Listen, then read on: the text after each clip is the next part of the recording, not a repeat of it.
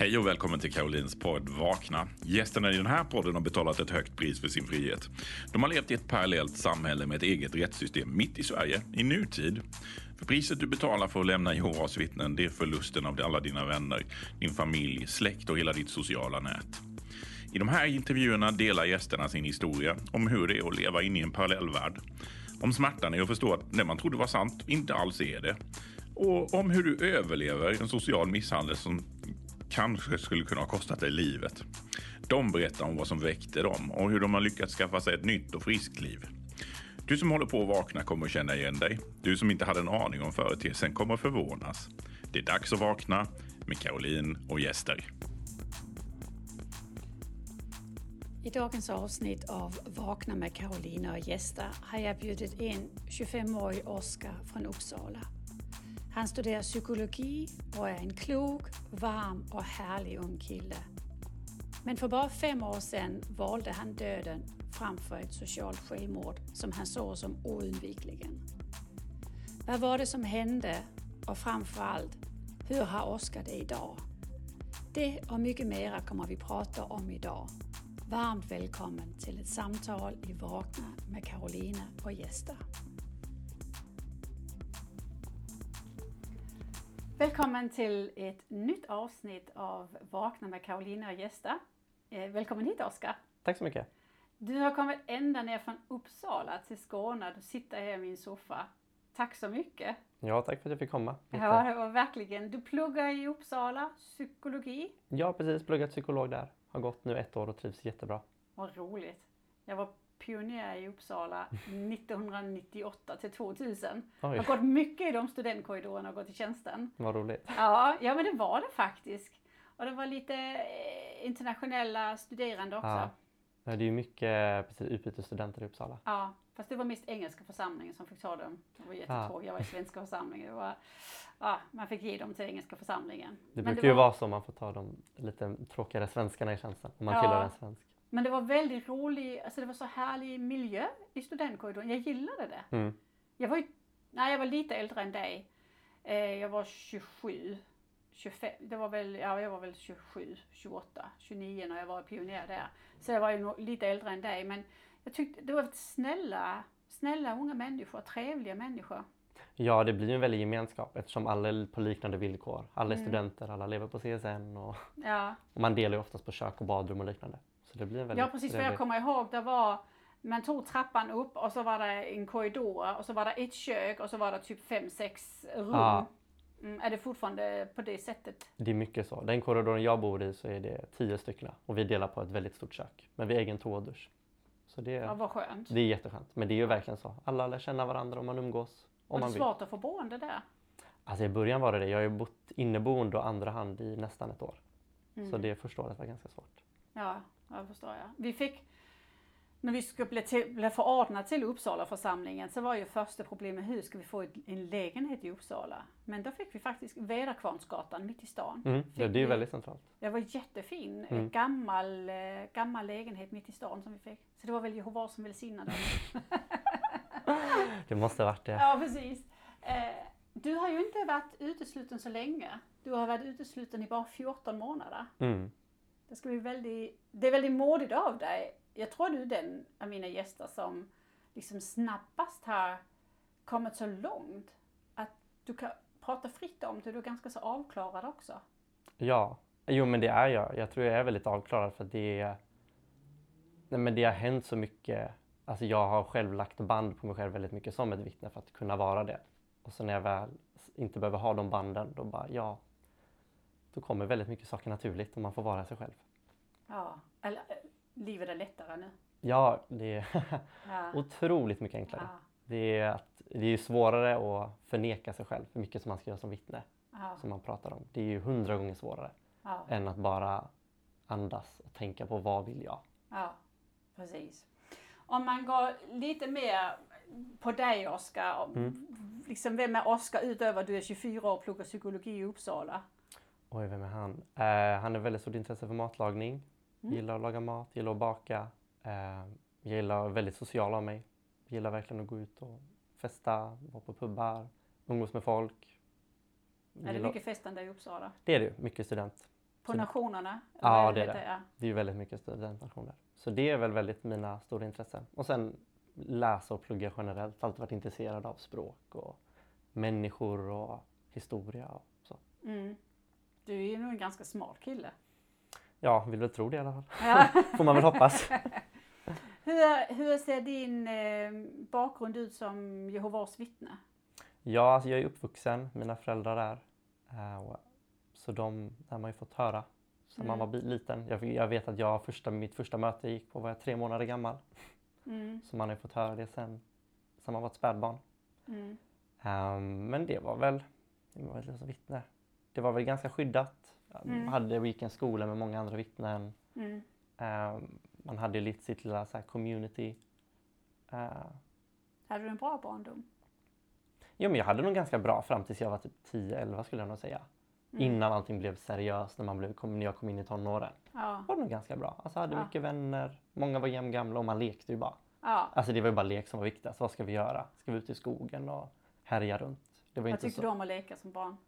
Ehm, vad gillade jag att göra? Jo men mycket så här vara ute i skogen och bygga kojor tyckte jag var väldigt roligt. Och, alltså typ leva lite som man gjorde i skogen. Jag bodde ganska nära en stor skog med en kompis. Mm. Ehm, annars gillade jag att vara hemma och spela tv-spel. Det Mm. var mycket sånt. Mm. En helt vanlig pojke. Ja, jag verkligen Ja. ville bara leka. Många typ- hur många syskon hade du? Jag har fyra. Så tre äldre och en yngre. Varav Så ni är fem syskon? vi är fem syskon. Wow! Ja. Så min yngsta är en lilla syster som inte är döpt. Inte, för, är inte odöpt heller. Eh, sen har jag storebror som inte heller är det. Som tog avstånd ganska tidigt. Och sen har jag två stora systrar som är döpta. Och din lilla syster, hur gammal är hon? Eh, hon är 19. Hur, hur känner hon inför dig och Jehovas vittnen och allt det här? Ja, det är lite svårt. Vi har lite svårt att prata om det. Eh, jag vet att hon är väldigt ledsen över hur situationen har blivit i familjen. Men jag vet också att hon inte, alltså hon går ju på mötena och liksom så. Hon gör det? Ja. Även om hon inte är ute förkunnare? Ja. Så jag, Ja. vet, det är lite svårt att prata om det. Mm. Det är en Ja. lite känslig fråga för henne. ja, det kan jag förstå för det, det är ju hela hennes eh, fundament. Ja, Som, och det får ju vara hennes resa. verkligen. Hur, hur gammal var du när du döpte dig? Eh, Jag var faktiskt 18. eh, Mm. Så det var, väl, var ju sent. Hade ju Ja, flera det kompisar som hade döpt sig. Eh, Jag studerade i nästan tre år. För jag var ganska, jag var inte så akt drivande. Ehm, och jag vet att jag, när jag väl döpte mig så fick jag också höra att äntligen liksom, du kunde ha gjort det innan. Mm. Eh, Men jag sköt väl lite upp på det och såg väl inte så mycket poäng med det. Va, varför, liksom, varför sköt du på det?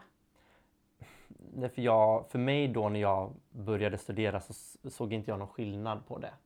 Mm. Eh, det var ju först när jag blev 17 och tiden innan jag döpte mig som jag insåg att om jag döper mig så kommer jag ju få vänner. Ja. Liksom att då kommer jag bli mer accepterad. Eh, och jag vet ju själv hur man pratade om andra ungdomar som inte döpte sig, att de behövde uppmuntran. Mm. Att eh, ska du inte umgås med den där personen, hen har inte, går inte så mycket på mötena, ska vi inte Mm. uppmuntra den personen. Ja, så jag var faktiskt- väl den personen när jag var 15-16. ja, för det är ju intressant att det blir ju en liten utskiljning Mm. i, i ungdomar i den åldern att de som inte döper sig, man rangeras Ja, ja. och eh, räknas inte som så bra um, eh, liksom umgänge Mm. om inte man tar det här ställningstagande att döpa sig. ja, ja, verkligen. Ja. Men så din mycket- syster hon måste ju vara lite i ytterkanten. Ja, jag vet. Det är ju mycket de tankarna jag har. Och jag vet att jag försöker kolla lite med henne ibland att säga, mm, du vet att du behöver göra ett val snart. Mm. Lite för jag minns själv den, när jag väl, jag var ju också bara odöpt liksom nio månader, sen döpte jag mig. Mm. Det var också väldigt sent att vi ungefär 17 års ålder blev odöpt. Och då har jag gått på mötena hela mitt liv. Du blev först udda förkunnare när du var 17. Ja. Wow! Så att jag menar, jag vet ju också att jag kan ju se tillbaka på det nu att säga, oj, oj, jag var nog ganska dåligt umgänge. Men jag Ja. minns ju också att det var ju många som drog i mig och försökte pusha mig.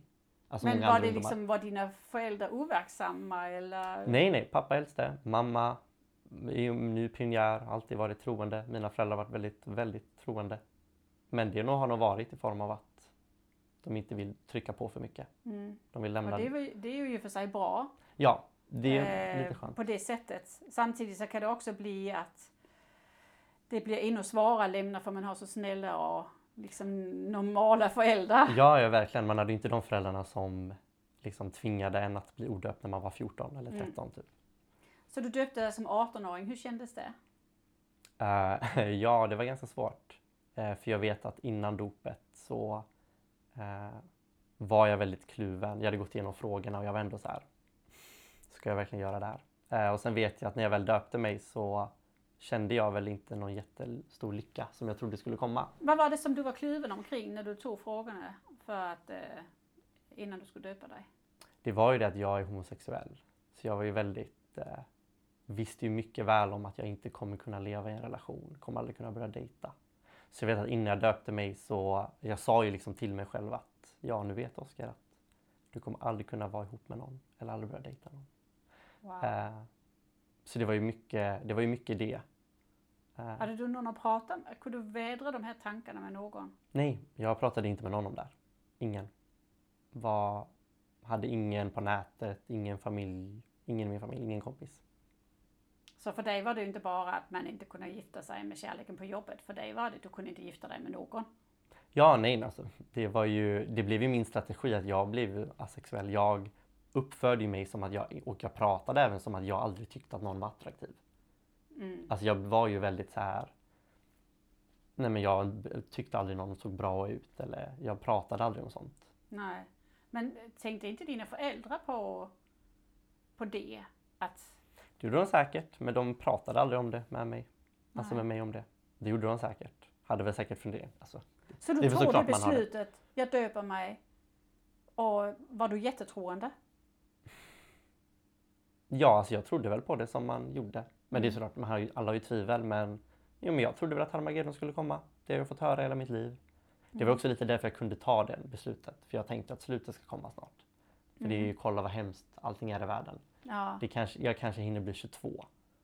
Så då är det ingen fara. Jag kan leva singel i fyra år. Ja, jag kan leva singel i fyra år tills jag är 22. Um, så det är nog och vad händer då? Då blir du räddad från din eh, homosexualitet eller? Det trodde jag. Det trodde ja. jag. Eller så här, det skulle man bli. Man skulle bli perfekt i paradiset och då kommer jag bli heterosexuell. Och då kan jag ju leva med en kvinna och så blir allting bra. Ja. Det trodde jag. Det är helt fantastiskt att 2022 nu är det ju mm. såklart mm. några år sedan, men ändå i vårt århundrade att de tankarna kan, kan liksom florera i eh, en ung människas ja, det... mentala ja, hjärna. Ja. Alltså, att man kan tänka så. Mm. Så du döpte dig, du hade lite tvivel, men du hoppade ändå ut i det. Och sen, hur, hur var det? Hur gick det för dig när du döpte dig? Jag, Hade du tagit studenten då eller gick du på gymnasiet? Eh, jag döpte mig sista terminen. Så jag döpte mig i april och så tog jag liksom studenten. Ja. Um, så jag var ju inte... Ja, jag, hur gick det för mig? Det gick väl inte så bra för jag träffade en kille några månader senare. Vilket var, fick jag väldigt mycket, mådde väldigt dåligt av. Men jag blev pionjär. Uh, så du träffade en kille och blev pionjär? Hur? Det hände ungefär ganska samtidigt, ja. Samtidigt som det pålystes i församlingen så har jag blivit träffad också en kille. Hur kändes det? hur kändes det? Jag minns bara att jag ville inte att någon skulle få reda på det. För det var, det var ju mitt enda mål. Ingen ska få reda på det här. Men eh, man kan ju förklara saker för sig själv. Mm. Och jag vet ju också, förstått mycket i efterhand att um, jag hade ju jättedåligt samvete och kände jättestor skuld till Gud. Alltså nej vad jag har syndat. Hur ska det här mm. gå? Mm. Um, men jag tänkte ju att jag får bara försöka bättre hela tiden. Och liksom försöka och försöka. Så, så jag var pionjär eh, ett år. Eh, sen slutade jag med det för att mitt samvete kom väl ikapp. Vad gjorde du då? Eh, jag ville inte, sa egentligen från att jag inte ville vara pionjär. Eh, men det gick ju inte så bra. Mm. Man kan ju inte sluta som pionjär sådär. Nej, så vad hände då? Eh, I samband med det så blev det också om jag ville bli förordnad till, jag kommer inte ihåg vad det heter, men församlingstjänare. Ja, biträdande. Ja, eh, det tackade jag också nej till. Eh, det blev ju väldigt mycket frågor om det bland de äldsta bröderna, varför jag inte ville det. Så det och jag kände ju väldigt mycket press över det jag hade gjort. Det hade kommit upp emellanåt. Eh, så det blir egentligen att jag berättar för mina föräldrar om vad jag har gjort med den här killen och att jag kommer ut för dem. Eh, och då blir det egentligen en, liksom en kommitté för mig, för jag har träffat en kille. Men jag blir inte utesluten, utan jag får ju restriktioner. Mm. Och det slutar egentligen med att jag mår jättedåligt ungefär ett halvår. och eh, blir egentligen jätteensam. Eh, alla mina vänner som jag då hade liksom ta avstånd från mig. Eh, ja, blir egentligen väldigt, väldigt ensam på grund av det här. Var det någon som du berättade varför du hade fått de här restriktionerna? Nej, ingen visste ju vad som hade hänt med mig. Jag minns också att eh, när jag väl fick reda på att så, ja, du ska inte bli utesluten och efter hela det mötet så säger en av äldste broderna, eller äldsta bröderna att du behöver inte prata med någon om det här. Du behöver inte berätta för någon om att det här, vi har haft det här mötet. Mm. Jag tycker ju för sig, ja det är ju ganska skönt, för det är privat. Det är privat. Men det kan vara skönt att ha en, eh, någon att anförtro sig åt. Det är det. För mina föräldrar pratar heller aldrig med mig om det här. Min pappa var ju äldste, han visste att jag hade ett kommittémöte. Jag antar att min mamma också visste. Men det var ju ingen av dem som liksom pratade med mig om hur jag mådde efter det mötet. Wow. Eh, jag fick liksom, skulle sitta och prata om mina vanor, eh, mina pornografivanor såg ut. Liksom. Mm. Det var ingen som frågade mig om hur jag upplevde det. Det är så ovärdigt. Ja, verkligen. Ja, ja. Och så vet man, sitter man där och pratar med tre andra män som jag vet inte tycker att homosexuella handlingar eller homosexuella är rätt. Liksom, det är fel. Mm. Uh, och de sitter där och ska försöka övertyga en om att vi gör det här för att vi älskar dig. Vi bryr oss ja. om dig. Men det känns inte så. Hela kroppen känner bara spring härifrån. Vad gör du här? Typ. Mm. Så hur mådde du efter? Hur, hur, hur utvecklade sig din, din mentala hälsa och ditt mående efter den? Uh, efter det så tror jag att jag inte var så troende längre egentligen. För det blev ganska... Jag kom ju tillbaka sen i form att jag fick lite nyare vänner. Och jag var ju fortfarande starkt övertygad om att jag kan inte lämna. För att alla som lämnar är olyckliga. Mm. De tar droger. De är, de är jätteolyckliga de alla som lämnar. Vi är ju bara, det är bara mm. vittnen som är lyckliga. Ja. Så jag försökte vidare. Men jag var medveten om att jag inte ville bli pionjär. För det hade jag redan varit och det kände jag som så misslyckande att jag inte kunde vara. Ja. Uh, så jag fortsatte några år till. Mm. Du var inte ute på nätet och koppla och kolla lite med ex-Jehovas vittnen? Nej, det enda jag gjorde som jag vet gjorde tidigt var att jag brukade läsa Äldsteboken. För jag ville veta vad de tyckte om homosexuella. Ja. Så det gjorde jag som vittne. Men det gjorde jag, var, jag, var jag också jätte, jätterädd om. Eller ja. rädd för. Ja, ja, ja. För man får inte göra det. Nej, nej, nej. Ja, ja. Jag visste att jag smög in i min pappas eh, garderob, tog fram hans Äldstebok, sprang till mitt rum och läste. Ja. När de inte var hemma. Ja. För det får man inte göra. Och jag var nej. också väldigt rädd för att Jo, men man har ju fått höra det att alla som lämnar är bittra. Mm. De ljuger. Mm. De vill inte ditt bästa. Vi Nej. i församlingen vill ditt bästa. Mm. Man börjar ju förstå eh, vad det är som skiljer en religion från en sekt. Ja, verkligen. Och det är just detta här, den här skrämseltaktiken. Man, man låser in människor i ett mentalt fängelse. Ja. När det egentligen bara är att öppna internet och gå ut och ta kontakt med andra. Men mm det vågar man inte. Det är som den här fisk man lägger ner i akvarium och sätter en glasvägg. Ja. Och när den glasväggen är borta så vill den, han fattar inte, det är ett jättestort vatten att simma i. Nej men verkligen. Och mm. det är ju så de verkligen håller kontroll på en också tänker jag. Mm. Att man pratar om alla som har lämnat i ett negativt, dåligt ljus. Ja. Och så de som är kvar är ett bra, positivt ja. ljus. För man vill ju inte vara då, ingen vill ju vara en dålig människa. Nej, och alla som lämnar där kapas kontakten. Så man ja, kan aldrig, hur ska man kontrollera det? Ja, det man vet ju bara det som sägs att det är fruktansvärt. De blir missbrukare och bor på gatan nästan. Ja. Mm. Okej, okay, så du, du kom, du var, det var ett halvår du mådde väldigt, väldigt dåligt. Mm. Uh, men du hade slutat tro nu? Ja, alltså jag hade, var väl mer kritisk till tron. Uh, mm. Men jag gick ju på möten och så. Sen så hände det uh, våren 2020 så Eh, hände det en sak med en kompis till mig som är egentligen samma situation som jag var i. Var förordnad, var pionjär, gick väldigt bra för honom. Eh, och han hade också haft, eh, han hade legat med en tjej. Eh, och då pratar han med mig om det och han ska berätta till de äldste. Uppmuntrar jag honom att göra.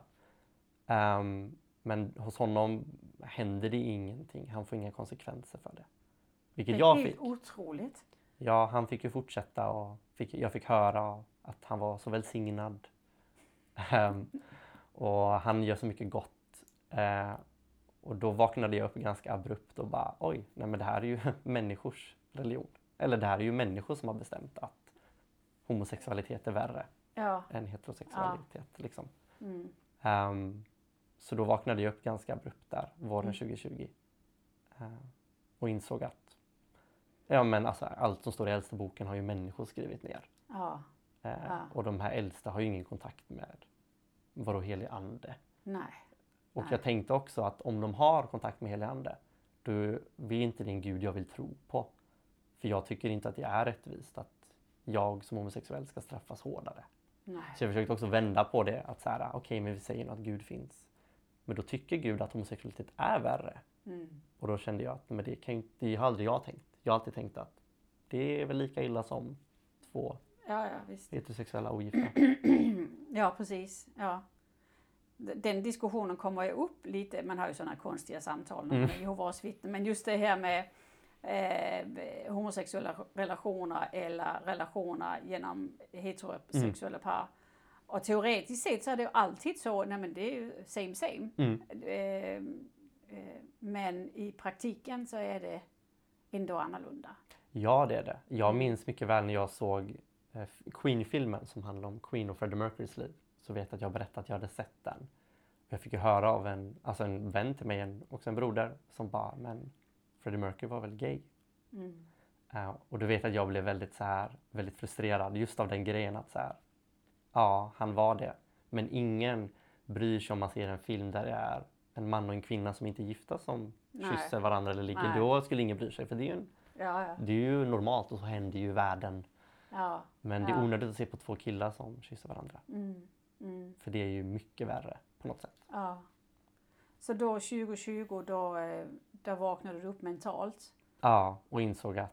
Och det var också mycket det som är intressant att jag vaknade ju inte... Jag hade ju inte läst någonting på nätet. Jag vaknade ju bara upp av att ja, så här sköter man organisationen. Så här Ja. står det i äldste boken. Ja, nej men det kan inte jag stå bakom. Nej. Och jag håller inte med om någonting. Men det stod, tog fortfarande ett helt år innan du lämnade? Ja, det gjorde det. Eh, det var ju främst för att jag var så rädd för att bli utesluten. Eller jag visste ju det här dilemmat jag haft lite hela mitt liv. Som jag har satt lite på paus emellanåt. Men det blev ju väldigt påtagligt eh, när jag väl vaknade upp. Att oj, ja, ska jag fortsätta vara kvar i det här som jag inte tror på? Eh, eller så ska jag lämna. Men om jag lämnar, då kommer jag bli utesluten. Då kommer mina föräldrar sluta prata med mig, hela min familj, mina syskon. Um, alla mina vänner, alltså alla bekanta man Mm. eventuellt känner Mm. kommer då bara sluta prata med mig. Mm. Så då uh, valde jag, hade jag, behövde jag väldigt mycket tid att tänka på det.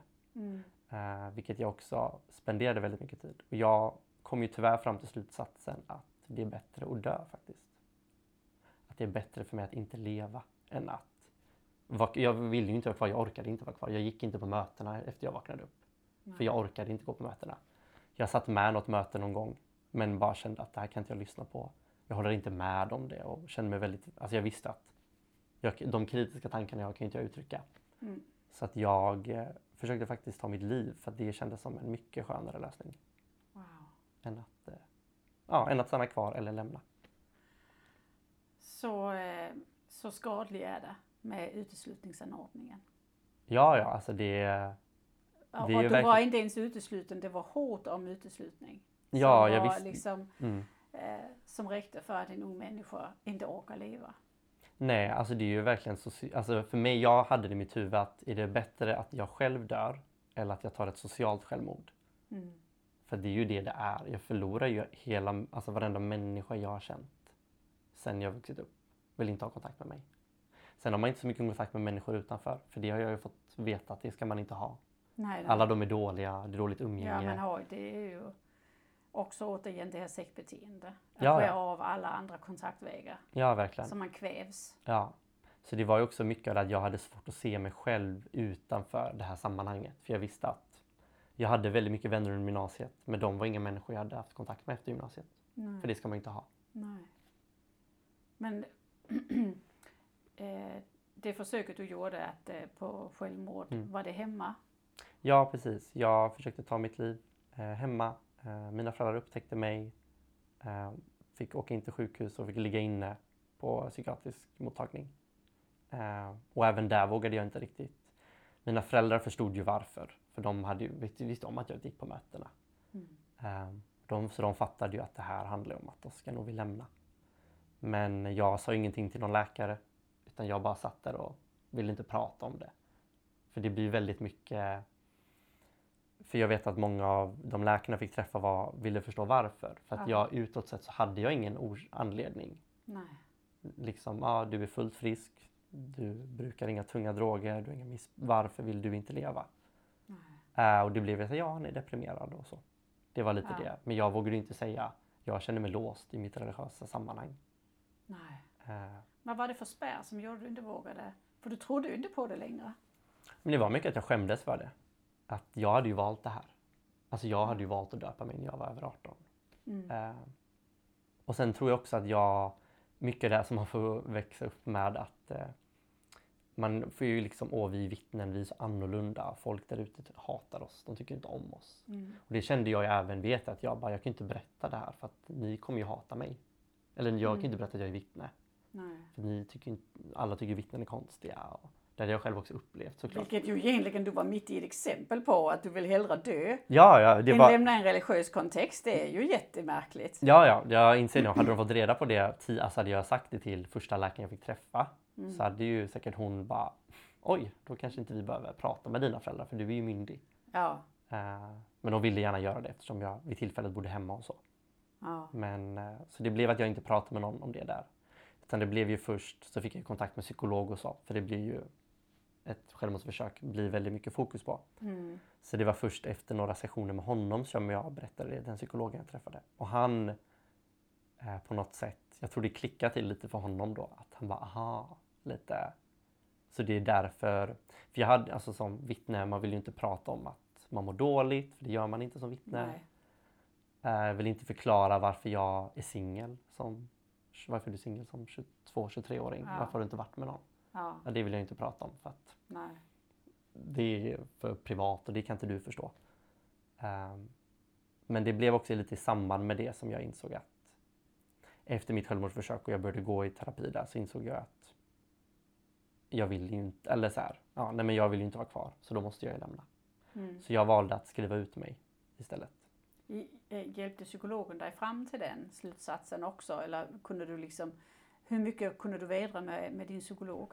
Nej, han hjälpte mig egentligen ingenting med det. Utan han var ju mer intresserad av hur min situation såg ut. Mm. Så han var ju mer så okej dina föräldrar är det. Och han hjälpte mig ingenting med det egentligen. Utan det var jag som kom till den slutsatsen att ja, nej men jag måste tyvärr lämna. Liksom jag Mm. måste. Jag kommer bli utesluten. Det finns inget annat val för mig.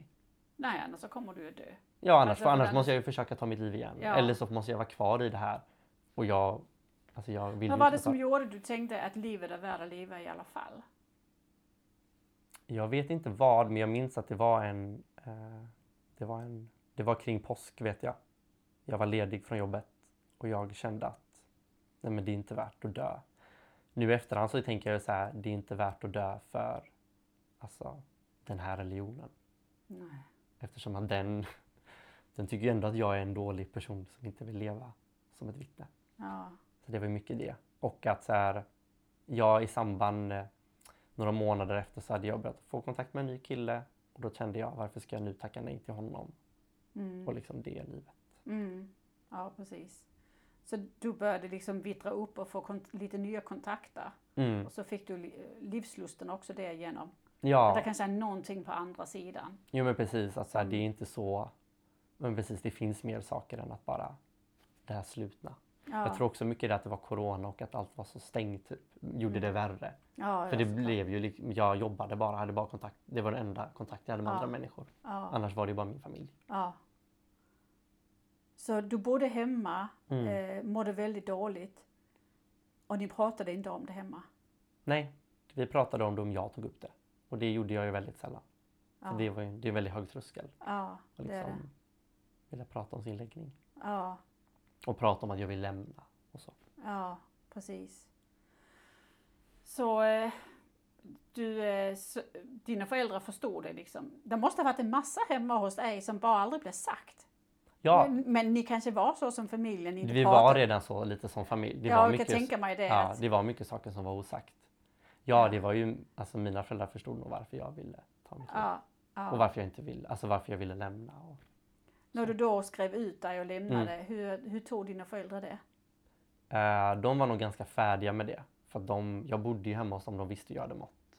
Och de visste att jag redan hade slutat leva som vittne några månader innan. Mm. Ehm, men eh, så de var väl ganska, de var ju väldigt så här, eh, vad kan man säga, du vet om vad du gör, du får ta konsekvenserna av det. Och det enda sättet som de skulle kunna möta mig, det var ju om jag stannade kvar. Och liksom Ja. arbetade på att börja tro igen. Mm. Men de var väl, ja, de ville ju hjälpa mig i början. De ville att jag skulle träffa lite kretsinsyningsmän som skulle hjälpa mig på bättre tankar. Mm. Ja. Vad sa du till det? Eh, nej, för jag ville Nej. ju inte. Nej. Jag såg ingen poäng med det. Nej. För jag visste också vad de skulle säga. En av mina systrar ville var ju väldigt på mig och försökte förklara Bibelns syn på homosexualitet. Och det var ju inte bara det jag hade problem med. Det var ju, så, det var ju liksom att... Ja, Du trodde ju inte på läraren heller. Nej, jag trodde ju inte på... Alltså, så Nej. här, jag visste ju att så här, nej, men allt det här som står är ju, men det är ju människor som har skrivit det här. Ja. Alltså det Ja. finns ingen gud bakom det. De äldsta har ingen kontakt med den Nej. anden. Nej. Så varför ska jag tro på det här? Nej. Och, och liksom anpassa hela ditt liv Ja, ja. För, eh, för någonting som dina föräldrar tror på. mm. Och det kan ju vara alldeles fine för dem men det behöver inte att passa ditt liv. Nej, nej men verkligen. Och det tänker jag mycket på när man gick i skolan och så. Hur mycket man tog föräldrarnas ansvar. Ja. Alltså, ja. jag vet att mina föräldrar tycker om det här så då ska jag också tycka det. Mm. Eh, när det kommer till firanden och man ska stå upp för olika grejer och ja. man ska tacka nej till saker som man egentligen kanske inte vill tacka nej till. Eller inte förstår varför ska jag Mm. tacka nej till det här. Mm. Ja, det borde verkligen förbjudas med de grejerna i skolan. Skolan tycker jag borde vara en neutral plats för barnen, en fri plats för barnen. Mm. Där man har inlärning, inte mm, politisk eller religiös påtryckning hemifrån som man ska sprida i, i skolan. Vi fick ju alltid lära oss skolan är ditt eget distrikt. Ja, Här kan du få predika. Och jag tycker det var hemskt. Jag ville ju inte predika i skolan. nej jag gjorde, nej, jag gjorde heller aldrig det. Alltså Nej. jag har också varit ett sånt vittne som aldrig har pratat om det. Mm. Liksom. Det ju, kom det på tal så kunde jag, sa jag det såklart. För jag ville Mm. ju inte ljuga. Nej. Men jag var ju aldrig öppen med att... Men Ja. hur, är din, hur är din kontakt idag med din mamma och pappa? Att- För Eh, det är ju, mm. man får säga så här, det är ju ett vitt spektrum med föräldrar. Vissa Mm. är ju som min mamma, jag har ju helt öppen förhållande med min Mm. mamma och andra har ju ingen eh, kontakt med sin mamma och Mm. pappa. Det är väldigt olika. Hur, hur ligger du i det här spektrat? Jag ligger väl, jag har kontakt med dem. Eh, vi har sporadisk kontakt. Kanske pratar en gång var, varannan månad. Ehm, har vi kontakt. Men det är ju väldigt väder och vind. Mm. Eh, men jag har inte träffat dem på över ett år.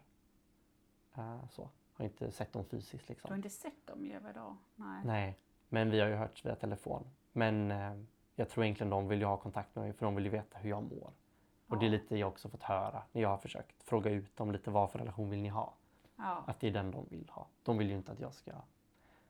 Nej, de vill ju inte liksom umgås med mig. Mm. Eh, för att mina systrar vill ju inte ha med mig att göra. De vill ju inte heller umgås med mig. För de, jag, jag har ju inte heller pratat med mina systrar på över ett år. De har jag inte ens pratat med. Har du skickat sms till dem? Jag gjorde det till en av mina systrar. Eh, Mm. Fick ett kort svar. Fick jag. Mm. Som tack, typ. Mm. Men det är inget... Nej. Så det är väl, jag är väl jag på den skalan. Jag är väl, de, har, de har en kontakt med mig. Jag är inte helt död. Mm. Men eh, det är ingen person de, jag är väl ingen person de vill umgås med. Hur känns det? Alltså nu idag så tycker jag känns det ganska okej med det. För jag vet inte hur mycket kontakt jag vill ha med dem. Nej. Det blir ju lite så, alltså i början var jag ju väldigt ledsen över det och ville ha kontakt. Men jag känner ju nu i efterhand att varför ska jag kämpa efter en relation som inte någon annan heller vill ha? Nej. Alltså jag måste ju också gå vidare, jag kan ju inte hålla Mm. på och vilja ha en relation med någon som inte vill ha en relation med mig. Alltså du är så smart Oskar. Ja, du skulle kunna vara min son i ålder men du är ju mycket, mycket smartare än mig. Jag har ju kämpat för att ha kontakt med min, en del av min familj som inte vill ha kontakt med mig. Och, och eh, jag har liksom bankat på, bankat på, bankat på, bankat på och bankat på. För jag vill, sen kan det vara egot också som pratar att de ska inte få bestämma Ja, det är det också vad liksom, men, men eh, ända tills jag till slut kom fram till, fa- faktiskt ganska nyligen, men det är ovärdigt för mig. Men du har ju kommit fram till den värdigheten mycket fortare. Det är ju det och jag känner att det är ju så ont att bli avvisad. Alltså Mm. jag vet ju vad man tycker om uteslutning, jag vet ju vad de kommer göra. Mm. En av mina systrar sa också när jag väl skrev ut mig att Eh, jag vill att du ska veta att det är jag som utesluter dig. Det är ingen annan som tvingar mig att göra det här. Den är nästan ännu värre. Ja, och när jag hörde det då blev det ganska klart att ja, då är ju ingen av det för mig att försöka kämpa för vår relation.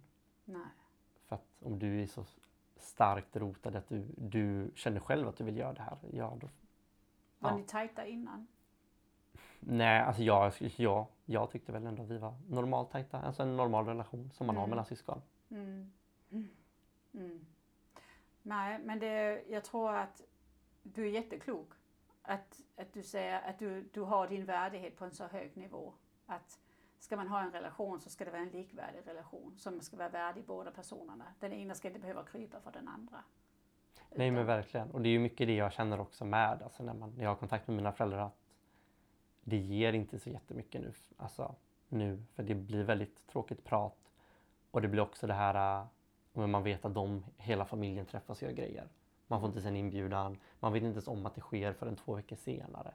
Mm, det gör ont. Den svider. Ja, det gör ju jätteont. Det var hände även jag, den tiden jag, innan jag flyttade hemifrån och hade lämnat. Att jag fick veta samma dag att de, ja, men alla, hela familjen skulle träffas ute någonstans. Ja, Och man bara, ah, okej, så jag är verkligen ingen del av er längre. nej.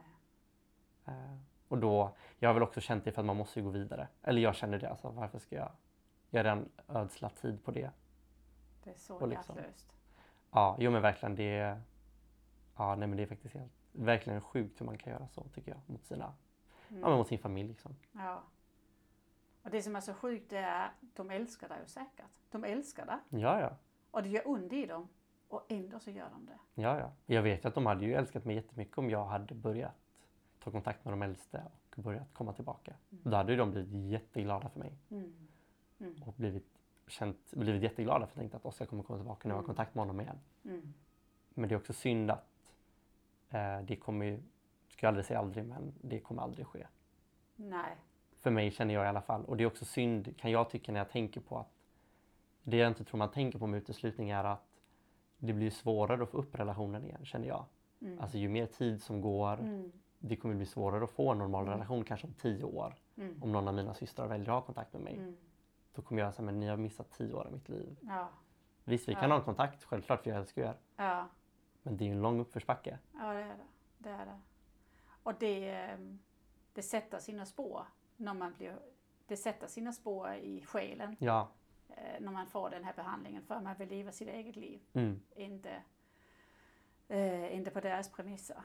Men det som är så fint, som vi pratade om innan, det Mm. är ju att nu i den här nya livet som vi har, då kan man verkligen få visa ovillkorlig kärlek. ja Och verkligen. man kan bli utsatt för ovillkorlig kärlek. Det har man aldrig provat innan. Ja, nej, nej. Man har ju alltid varit tvungen att välja sina ord. Vad ska jag berätta om mig själv? Ja, Eh, för konsekvensen är liksom ut, ja, ja. utfryst om inte man rättar in. Mm, ja, ja. Men att, att liksom, det är som privilegium. Nu får man göra det. Mm. Jag får visa ovillkorlig kärlek till mina barn och till dig och till vem jag vill. Mm. Eh, som jag tycker är vackra människor. Ja, men jag kan bara älska dem för de är fina människor. De Verkligen. behöver inte leva som jag lever eller tycka som jag tycker. Nej, nej, och man behöver inte heller rätta någon. Eller man behöver inte ha en baktanke. Hur ska jag kunna komma in och visa min ståndpunkt i den här frågan? Mm, hur ska jag kunna vända den här personen till Ja, att men tänka precis. Utan man kan bara, ah kul, du tänker så. Ja, Och det är OK att du tänker så. Det är inget fel. det, och det är så många ämnen som är så intressanta att prata om. Ja, ja. Och man kan tycka helt olika, Mm. men ändå kan man vara nyfiken. Men hur tänker du där? Och Ja. varför gör du så? Vågar du göra det? Ja. Det är ju, det har jag upplevt på den här sidan, den typen av vänskaper man utvecklar här, det är ju så intressanta för det finns så mycket att prata om. ja, Det ja. hade jag inte i gamla livet. Nej, det är många ämnen man inte kan prata om. Mm. Och många, ja, ja, för det Det, är, så, har, det, så är det ju lite med min, med min mamma. Jag älskar Mm. min mamma och hon älskar mig och så vidare. Men liksom 80 procent av det jag pysslar med kan jag inte prata med henne om. Nej. Eh, För hon, hon dels är hon 85 år gammal så Mm. hon kan liksom inte riktigt relatera till hon kan inte förstå det och hon, hon tycker det är jättekonstigt och, Mm. och jag orkar inte förklara och, och rättvisa för jag vill leva som jag lever och jag vill Ja. göra vad jag gör. Men det är ju lite tamt tycker jag. Ja, och det är också mycket, men det måste ju vara jättejobbigt för det känner jag ju lite med mina föräldrar. Att ja, ni har liksom inget intresse i mitt nya liv. Ni bryr er inte om vilka jag umgås med. Nej. Ni bryr er inte om om jag dejtar någon eller inte. Det är ju inte av intresse för er. Ni Nej. vill ju veta om jag mår bra. Ja. Alltså så här, lever du? Mm. Det är ju den informationen, sen är de nöjd. Ja. Och då känner jag också så här, ja varför ska jag ha kontakt med någon som vill veta Mm. om jag har tak över huvudet och mat? Men om man tänker så här, du läser psykologi Mm. och så eh, det här med att eh, du gick emot dig själv under flera år. Mm. Om du hade fortsatt med det, vad hade det gjort med dig? Alltså om du hade överlevt. Antingen du ju ha tagit livet av dig Ja. själv för att du mådde så dåligt men skulle det ha några fysiska konsekvenser på dig tror du? Eller skulle du, eller hur, Jag mår ju mycket bättre nu. Det har ju hjälpt jätte, jättemycket. Alltså bara från att kunna vara mig själv jämfört med tiden innan. Alltså för man har ju, jag tänker som vittne får man ju alltid höra att liksom hata det Gud hatar. Och vad hatar Gud? Jo, man hatar homosexuella och deras handlingar. Mm. Eh, alltså för mig blev det ju väldigt mycket självhat. Mm. Eh, och det tar ju väldigt mycket på en. För Mm. man blir ju väldigt dålig. Man, för mig blev det, jag blev väldigt dålig. Jag blev väldigt ful. Jag tyckte jag var, tyckte jag var väldigt ful och oattraktiv som person. För att, vem ska jag vara attraktiv för? Jag ska leva singel hela mitt liv. Det spelar ingen roll hur jag ser ut. Ehm, och mycket det här, mycket, väldigt mycket skuld och väldigt mycket skam. För att man får inte heller tänka fel. Nej, Så det är det inte var ju- bara vad du gör, det är Nej, också nej. att tänka. Ja, ja, jag var ju alltså så här. Hade ju jättedåligt samvete om jag satt på en buss och så såg jag någon snygg kille.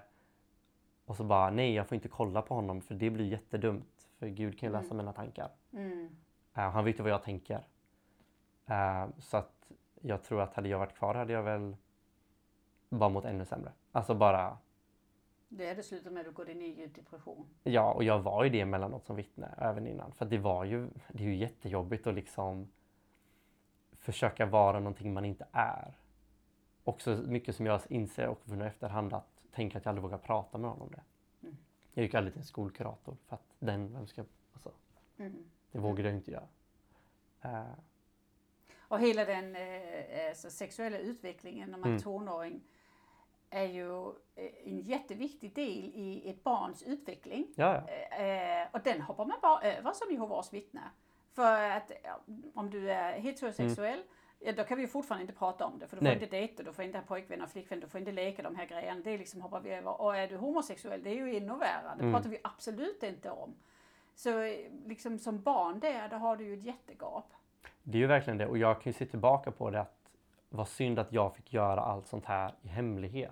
Mm. För jag visste ju om från högstadiet att jag var där och jag har ju liksom haft datinghappan sedan jag gick i nian. Ja. Så jag emellanåt i perioder av fullt av, alltså cykler av att jag måste leva ut det och sen få dåligt samvete och skuld och må dåligt. Mm. Eh, så jag kan ju tänka på det nu att eh, jag har aldrig liksom kunnat prata med någon under min tonår om hur det var att gå på en dejt, hur det var att tycka att någon är Nej. attraktiv. Utan jag fick ju sitta med allt det där ensam och bara och istället tänka det här får ingen reda på. Alltså ingen ska få reda på det här. För får Ja. någon reda på det så är det ju, det är kört för mig. Då kommer ju alla veta om att jag är det. Och jag var också väldigt rädd när jag var, alltså innan jag var 18 och innan jag döpte mig. Så jag var ju väldigt rädd för att tänk om någon får reda på att jag är homosexuell. För då kan jag inte, kommer jag aldrig kunna gifta mig med en kvinna. För jag Nej. tänkte mycket att vilken syster skulle vilja gifta sig med en bög? Det kommer ingen syster vilja. Så jag var också, alltså det var ju jättemycket aspekter som jag var, kände som rädsla för. Men vad skönt att du inte fick gifta dig med en syster. För Ja. det liksom, oj, det liksom, ibland så tror man, nej men eh, ja, då kan jag gifta mig så, så dör det här. Men eh, du är ju den du är. Ja, och det insåg jag ju också, insåg också det efter några år, alltså när jag var över 20, att ah, nej, det här kommer ju inte försvinna. Mm. Det trodde jag ju mycket i början, för det får man ju lära sig om man läser i Mm. litteraturen att det här är en fas. Mm. Eh, och det här är alltså så här, att vara homosexualitet är en alternativ livsstil. Exakt Mm. som att röka. Det är, liksom, det är ju samma sak. Så att ju, om du kan tacka nej till en cigarett så kan du tacka nej till ett äktenskap med en man eller vara ihop med honom. Mm. Mm. Får man ju lära sig. Mm. Ja, verkligen, verkligen outbildad. Liksom helt. Ja, verkligen. För Man, jag te- förlåt jag svär men what the fuck? ja, ja, men det är verkligen så. 2022. Ja, ja, det är ju verkligen det. Och det är ju därför jag kan bli så... Alltså jag, det enda jag kan bli upprörd nu efter man har lämnat är ju att barn får lära sig det här. Mm. Sådana som växer upp. Ja. För de har inget annat. Ja, jag är så, så lycklig för att jag Mm. har i alla fall en dotter som får växa upp Mm. med öppna ögon Mm. och som faktiskt har alltså som är ganska, alltså de barnen här, de fattar ju inte riktigt grejen med vad det är som är så konstigt med homosexualitet. Nej. De fattar in- inte ens att det ska vara konstigt. Så, så ska man vara, alltså så naturligt eh, är det för Mm. helt normala barn och ungdomar att ja, ja, han är det och hon är det och, man är så och man är så. Mm. Men jag tänkte på någonting annat också, det här med att fördela sin första förälskelse. Mm, ja, nej det fick ju inte jag. Att det ska vara, att det ska vara dold Mm. och skamfullt. När det är någonting jättefint som man ska få berätta för sina föräldrar. Mm. Jag menar nu när man har en 14-årig hemma, det är ju jätte, en jättestor del av en 14-årings liv. Mm. De här förälskelserna och han tittade på mig och han Mm. gjorde så och bla bla bla. Det blir ju inte så mycket för det är fortfarande väldigt oskyldigt men, men det är någonting som man vill dela och prata om. Och Ja, det fick ja. bara vara skamfullt för dig. Ja, ja. Jag skulle väl säga att jag minns jag för, första året på gymnasiet när jag började så var det en kille i klassen som jag skulle väl klassa som min första förälskelse. Och jag minns ju hur mycket väl jag bara Ja, det här är ju, kan jag ju inte prata med någon om och det ville jag ju inte heller för jag visste vad alla tyckte. Att Mm. Mm. Vad skulle, vem skulle tycka att det här var en bra sak? nej. Vem Mm. skulle uppmuntra mig att du kanske ska försöka? Det fanns ju ingen som ville göra det. Så egentligen kan man säga så här, du har gått ifrån att vara benägen till att vara depressiv Mm. och eh, eh, ja, dålig mental hälsa till faktiskt att vara full frisk, helt normal och en väldigt glad ung kille. Ja, alltså det, Visst är det går- konstigt? ja, ja, men det går inte att jämföra att, att sätta band på sig själv så Nej. mycket som man gör. Så man undrar ju hur mycket mental ohälsa skulle man kunna lösa i Jehovas vittnen genom att bara människor lämnade det? Ja, ja, få göra som de vill. Ja, för Tänka vad som de vill. Också känna som de vill. Mm, Eh, För det vet jag också mycket man fick ju lära sig att men man ska be och du ska liksom, du ska inte tänka de här tankarna, de är farliga. mm, Eh, Och jag tänker på nu att jag tänker att en tanke är farlig, då blir det ju man själv som är dålig. För alla tankar kommer ju från dig själv. ja, ja visst. Då blir det Ja. jag som är en farlig och dålig person. Ja, ja. Skulle du, om man säger så här att Jehovas vittnen skulle fortsätta som organisation, ehm, skulle du vilja ändra någonting i- organisationen eller skulle du, vill du bara att den ska försvinna? Hur känner du för det? Jag hade velat att den skulle försvinna. Ja. Alltså, man får väl tro på Gud och Bibeln och så. Men jag kan väl inte se någon poäng. Eller i alla fall inte tänker med min bakgrund och jag har vuxit upp att varför ska det få finnas kvar att man som barn måste hö, gå på möten, man har inte så mycket till val. Alltså man har inte så mycket val om man ska gå eller inte. Mm. Och allt är så väldigt värderat. Alltså all den kärlek du får är ju liksom vill du gå på mötena då kommer vi tycka om dig. Mm. Vill du döpa dig då får du uppmärksamhet från församlingen. Mm. All den kärlek du får är ju där. Så att, och plus alltså bara det att man får lära sig att allt utanför är farligt Mm. och dåligt. Mm. Så du tycker egentligen att... De kom, ja, det går ju inte att ändra på sig för de kommer ju inte ändra på sig. Nej. Men tror du att organisationen kommer att fortsätta överleva? Nå, svårt att tro det. Jag tänker att det kommer väl minska, i alla fall i Sverige tänker jag, kommer väl antalet förkunnare minska. Ja, jag undrar om inte globalt för att människor är ju mer och mer vakna för sina egna behov. Mm. Man har tillgång till så mycket information på Mm. nätet. Alla de här, vi som är utanför, vi samlar oss ganska snabbt i grupper, vi informerar varandra och podden och Mm. men det kommer ju till, till folk att ja men de dör faktiskt inte på andra sidan. Ja, nej. Och de sitter ändå och missbrukar utan som dig, du läser på universitetet, du har ett bra liv. Mm. Ja, hur är ditt liv idag? Om du Ja. ska beskriva ditt liv idag. Eh, jag skulle väl säga att det är ett liv som jag inte kunde tänka mig att jag någonsin skulle få. För jag vet att ibland, även fast jag har lämnat, så måste jag ibland påminna mig själv att ja, ah, jag har faktiskt gjort det. För det fanns en tid då jag tänkte att det här kommer aldrig ske. Eh, så mitt liv skulle jag säga är väldigt mycket bättre. Jag pluggar, pluggar en utbildning jag älskar. Eh, har vänner som tycker om en för den jag är, inte för det jag gör. Alltså det är, inget, det är inte villkorat att vi är kompis med dig för att du går i tjänsten. Nej. Utan det är för att, ja men kul. Mm. Du är som, Oskar är en Ja, kul du- kille. ja du är Oskar, då vill vi umgås med dig. Inte för att du är Oskar och du går i tjänsten. Det är ju en bra sak. Nej. Har du Eh, många kompisar ja, skulle, alltså så många kompisar man kan ha efter att alla har lämnat den. så det är väl, jag har inte så mycket kompisar som kände mig innan jag blev utesluten. Nej. Eh, Då har jag någon enstaka kon- kontakt med någon gymnasiekompis och någon före detta arbetskollega. Men jag har ju en hel del, jag har ju mer vänner i Uppsala i mitt nya sammanhang. Ja. Mm. Vad gjorde du för att eh, liksom, var det flytten som gjorde att du kunde börja bygga upp ditt nya liv?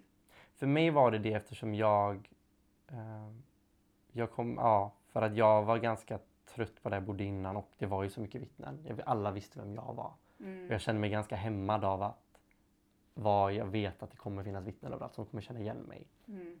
Och alltid behöva bli påmind om att just det där är några vänner till mig och så. Så att det blev ju flytten. Men det blev ju också att jag, vå, alltså så här, jag tänker som vittne får man ju lära sig att man direkt ska ta, tacka nej till allting. Mm. Alltså tacka nej till en AV för det skulle inte gå på, det är ju väldigt onödigt. Och, Mm, det. eh, så det var väl mer att börja säga ja till saker. Och att testa sig fram att så här, det, människor är inte så farliga. Nej. Och alla människor vill inte skada en heller. Eller de vill en inte illa. De vill inte att man ska... De är ganska schyssta. Ja, folk är jätteschyssta och folk är ganska... Folk är som de är. Alltså, folk är inte manipulativa och onda som jag. Jag hade ju väldigt mycket den tanken att folk till slut ville mig illa. För Ja. att de styrs av Satan. Satan styr den här världen. Har du berättat för några av dina nya kompisar om din historia? Ja, men det har jag gjort. Eh, pratat en del om det. Eh, Hur känns det? det känns, känns väldigt roligt, eller roligt är det inte, men det känns väldigt intressant för att många har ju en väldigt naiv bild av vittnen. Man vet att de är lite konstiga liksom. Men inte så här, oj, ja, oj, så du är faktiskt här utesluten, typ att du har faktiskt, de har inte kontakt med dig. Att man får, jag tror inte så många får uppleva det. Mm. Man får ju höra att vittnena gör det, men man får kanske inte uppleva det. Nej. Nej, precis. Att så här, jaha, så dina föräldrar pratar med dig så här sällan. Eller så här, dina systrar vill alltså inte träffa dig. Va, nej. Så jag tror det, det tror jag har varit väldigt här, bra för dem jag har berättat för. Att ja, men de får en liten inblick i hur det kan se ut faktiskt. Hur reagerar de på det? Nej, många blir väldigt arga Ja. och väldigt upprörda och känner verkligen en oförståelse för det. ja. Att så här, Det är ju väldigt likt muslimerna. ja, Det är ju det är många religioner som gör det. hederskulturen. Ja. Ja, Eh, som man inte tänker att kristna religioner har en så stark hederskultur. ja. Mm. Men idag är du lycklig. Ja, alltså det... Ja, alltså tanken på att man skulle gå tillbaka skulle aldrig skjuta mig i foten. att- Nej, du skulle aldrig göra Nej, det. jag skulle aldrig få för mig att kontakta de äldsta eller vilja komma tillbaka. Jag Kan du överhuvudtaget tänka dig att för inte så länge sedan, då ville du hellre dö än lämna? Ja, det har också varit en sån sak att, som har verkligen fått mig att inse hur, nej men hur, alltså hur skadligt det är att som barn bara få höra en enda verklighet. Mm. För det får man göra som vittne. Det Mm. talas ju att det vi tycker är sanningen. Mm. Att så här, oj, tänk att jag hade en verklighet. Och det var bara att lämnar du så kommer du bli olycklig. Och Och den verkligheten hade faktiskt kunnat slå ihjäl dig. Ja. Det, för Den det, höll på att slå ihjäl dig. ja. Tycker du myndigheterna har ett ansvar där? ja, alltså jag tänker i alla fall att de behöver inte få bidrag. De Nej. behöver ju definitivt inte få pengar. Sen har jag också tänkt på det här, för det är så svårt eftersom jag tänker att vittnen får ju lära sig att de är förföljda. Och, Mm. ja. Nej, alltså ja, de har ju något ansvar. Men det är ju väldigt svårt att veta hur man ska ta itu med det. Mm. För att man tror ju så starkt på det. Och man litar ju inte på myndigheterna. Nej. Alltså, för jag kan ju tycka det är helt groteskt att man kan låta, nu på den här sidan Mm. med den kunskapen jag har och alla de jag har, alla de berättelser som jag har fått lyssna på, som är hjärtslitande. Och det är en ideologi som får fortsätta. Så även om man inte ger bidrag så kan jag inte förstå att man i Sverige med vår demokratiska värld låter en sån samhälle fortsätta. Att, att man får utöva den typ av påtryckningar på barn samtidigt med att vi har barnkonventionen Mm. som lag. Med barn som har rättighet till att få välja fritt och, och leka fritt och uttrycka sig fritt och undersöka fritt. Mm. Ehm, Ja, det får man inte. Så. nej, Nej. det är väldigt, väldigt en, en stor konflikt och det ska bli spännande att se vad som händer i, i Sverige. Mm. Men någon gång så måste ju Sverige ta konsekvenser av de lagarna man faktiskt har. Ja, ja, men verkligen. Jag tänker på många som lämnar och, och många som lämnar andra slutna religiösa samfund. Att det måste ju kosta staten jättemycket pengar att ta hand om alla som tänker som mig som kommer ut och mår väl, alltså, mådde dåligt till en början. Mm. För att man, Går in i rikets ålder, 50 procent av dem går på antidepressivt och är deprimerade och är sjukskrivna. mm, Så, så jag menar, en, en stor del av folkhälsan är ju, och det är ju inte bara Jehovas vittnen, det kan vara andra normer man trycker ner över sig, man måste vara på ett sätt eller så, men, men eh, liksom det här med att tänka fritt är så viktigt för den mentala och den fysiska hälsan. mm, Mm. det är det verkligen. Att kunna, ja. Vad kommer sen? Hur länge till ska du plugga? Hur lång tid tar dina studier? Jag har fyra år kvar, jag har precis börjat. Så uh, vad ser du för mig nu? Ja, alltså det jag försöker göra mycket nu som jag tänker som man inte fick som barn, det är ju att göra saker som jag ville göra. För att, som inte stod i vägen för mötestider eller att få gå i tjänsten. Så vad, vill, vad gör du nu? Vad vill du göra nu? Uh, just nu så är jag väldigt sugen på att lära mig att spela bas. Uh, för det har jag alltid tyckt om. Jaha. Ja, eller alltså inte gjort innan, men jag har alltid varit intresserad av musik. Eh, och jag vet att jag hade också väldigt mycket där. Jag var ju ganska, var ju väldigt nitisk med den tanken att kan du inte göra någonting för Gud så ska du inte göra det. Mm. Ehm, och det var ju också mycket så här, varför ska du lära dig en sport? Mm. Den kan du inte använda i tjänsten för Gud. Den, så jag har väl, det har jag tänkt på att jag ska börja göra. För det har jag alltid tyckt varit ett väldigt coolt instrument. Alltid Mm. velat lära mig mer musik. Så det har jag tänkt och sen så är det väl bara generellt att försöka må, eller försöka göra det man vill göra. Och liksom, för det fanns ju jättemycket saker jag ville göra som vittne. Men som jag också kunde, kunde sätta, nej, sätta stopp för. För att Mm. jag kommer bli utesluten, det är inte lämpligt att göra det. Eh, folk i församlingen kommer prata om jag gör det här. Det är mycket sånt. Så Har du det, hittat kärleken? eh, kärlek inte, men jag, jag har en pojkvän nu har jag. Eh, vi har varit ihop i fem månader. Mm. Så ja, det, det var också något jag inte trodde att man skulle kunna göra. Pluggar han också i Uppsala? Jag pluggade också i Uppsala, så vi Ja. träffades där. Samma program eller? Faktiskt ja. Han, läser några, roligt. han läser några terminer över mig. Eh, Ja. Så vi träffades i samband med det. Ja, vad roligt. Ja men verkligen. Eh, Gemensamma intressen. Ja, ja, verkligen. Och det är också väldigt kul på något sätt kan jag tänka mig nu när man hade vittnen eller vänner i församlingen. Att det var ju bara för att vi tror på samma Gud. Mm. Nu är det så här, ja vi tycker om varandra, det är därför vi umgås. Vi har Mm. liknande intressen. Vi trivs personlighetsmässigt. Jag tänker själv på hur många människor, hur många vänner och hur många personer man har gått i tjänsten med eller man har umgåtts med som vittne som man egentligen inte klickade med. Nej, det är ju... Men man skulle umgås för att man skulle uppmuntra någon och man Ja. trodde på en sam... Ja. Ja, precis. Men eh, hur, hur vill du använda din... Har du någon dröm om att mina studier, jag vill jobba med det och det. Jag vill hjälpa den typen av människor. Jag tror, just nu har jag inte, har, alltså det har pendlat ganska mycket, men jag tror ändå jag kommer vilja jobba mer med barn och ungdomar på något sätt. För jag tänker att det är lättare att hjälpa ju tidigare man börjar. Mm. Tänker mycket på mig själv att det hade varit väldigt skönt om jag gick i skolan.